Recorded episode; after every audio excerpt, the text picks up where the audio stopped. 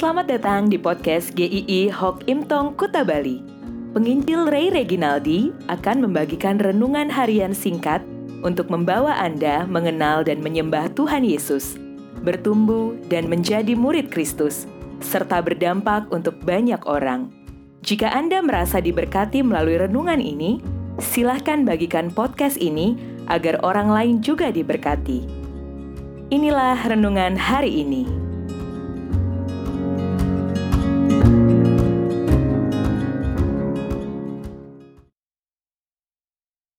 Pencitraan Matius 23 ayat 27 Celakalah kamu, hai ahli-ahli Taurat dan orang-orang Farisi. Hai kamu orang-orang munafik, sebab kamu seperti kuburan yang dilabur putih. Satu kali saya membeli sepatu karena saya lihat Diskonnya lumayan dan harganya jadi istimewa, berbeda dari biasanya. Lalu ketika saya pergi dengan beberapa jemaat, saya iseng-iseng tanya kepada mereka, Coba tebak harga sepatu saya berapa? Seorang ibu berkata, 200 ribu pak. Lalu seorang pemuda menebak, ah paling 150 ribu. Wah ternyata saya tahu dari muka saya ini nggak pas dengan harga sepatu yang mahal-mahal. Padahal sepatu yang saya pakai itu memang murah. Karena harga sepatu yang saya pakai, saya beli itu hanya dengan 50 ribu saja. Jauh lebih murah dari semua tebakan. Tidak ada yang mengira bahwa sepatu yang saya pakai harganya hanya 50 ribu saja.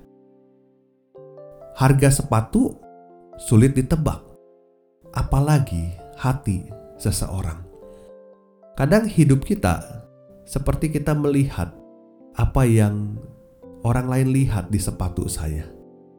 Secara tampilan luar terbungkus dengan sangat mengagumkan, tetapi isi hatinya bisa sangat jauh dari apa yang ditampilkan.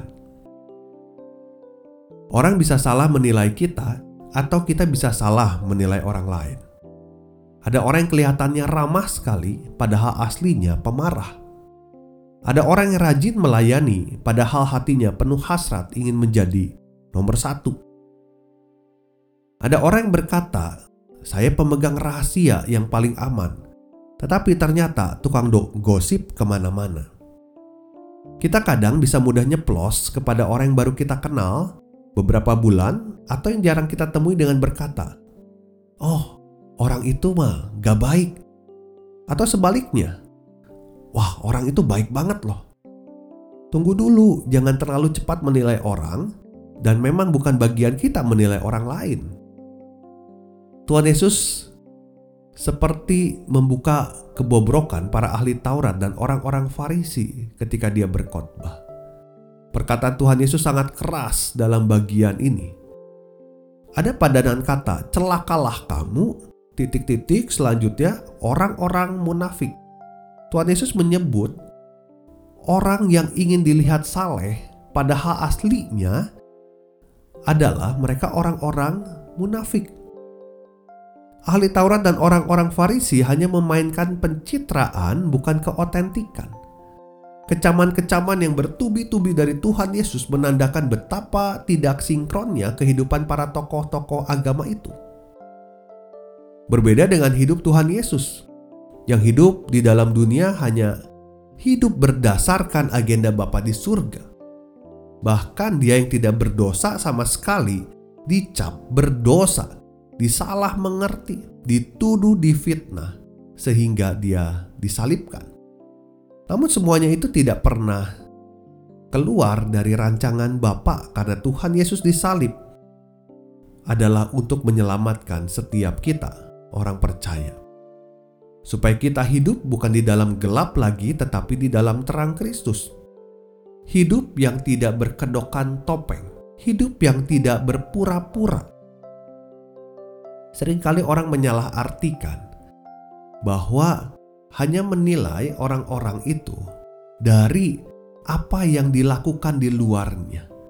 Tetapi biarlah dengan jujur setiap orang boleh melihat dirinya sendiri di hadapan Tuhan apakah betul yang saya tampilkan di luar itu adalah apa yang ada di dalam hati saya? Apakah itu yang sungguh menyenangkan Tuhan?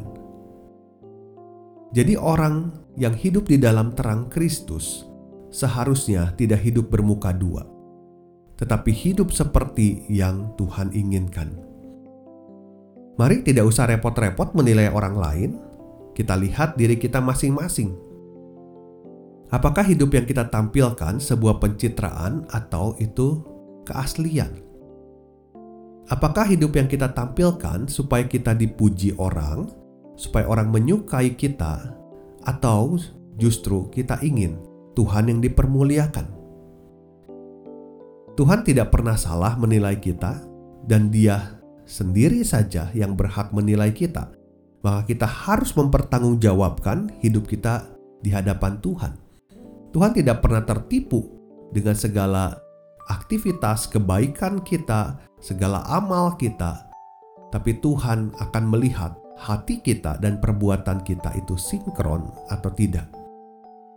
Mari hidup bukan dengan pencitraan, tetapi berdasarkan iman di dalam Tuhan Yesus apa yang kita pikirkan, kita katakan, kita lakukan, biarlah itu tercermin karena kita adalah anak-anak Tuhan.